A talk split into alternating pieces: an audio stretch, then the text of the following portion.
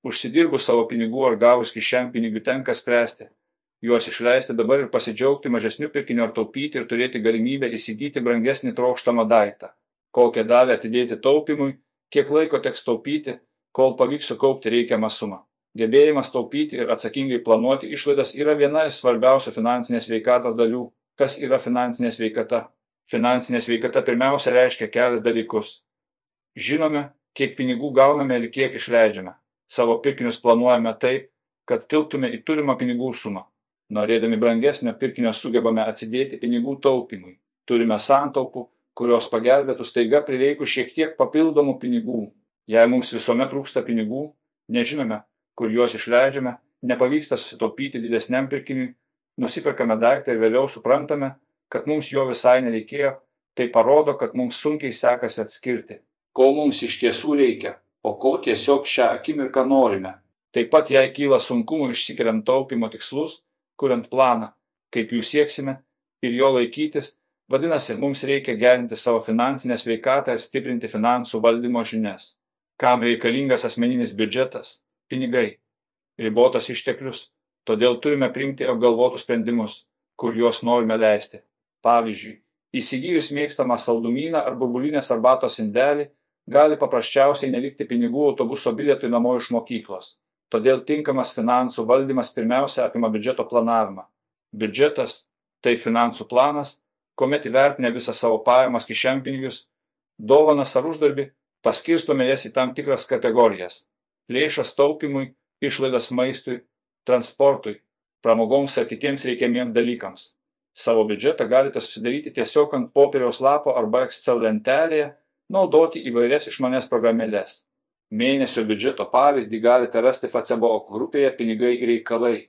Pavyzdyje pateikiamos išlaidų eilutės iliustruoja suaugusiųjų finansinę kasdienybę, o tai padės ne tik suprasti, kaip atrodo biudžeto lentelė, bet ir įvertinti, kokie finansiniai klausimai laukia pradėjus savarankišką gyvenimą, kodėl taupyti, jei galima leisti.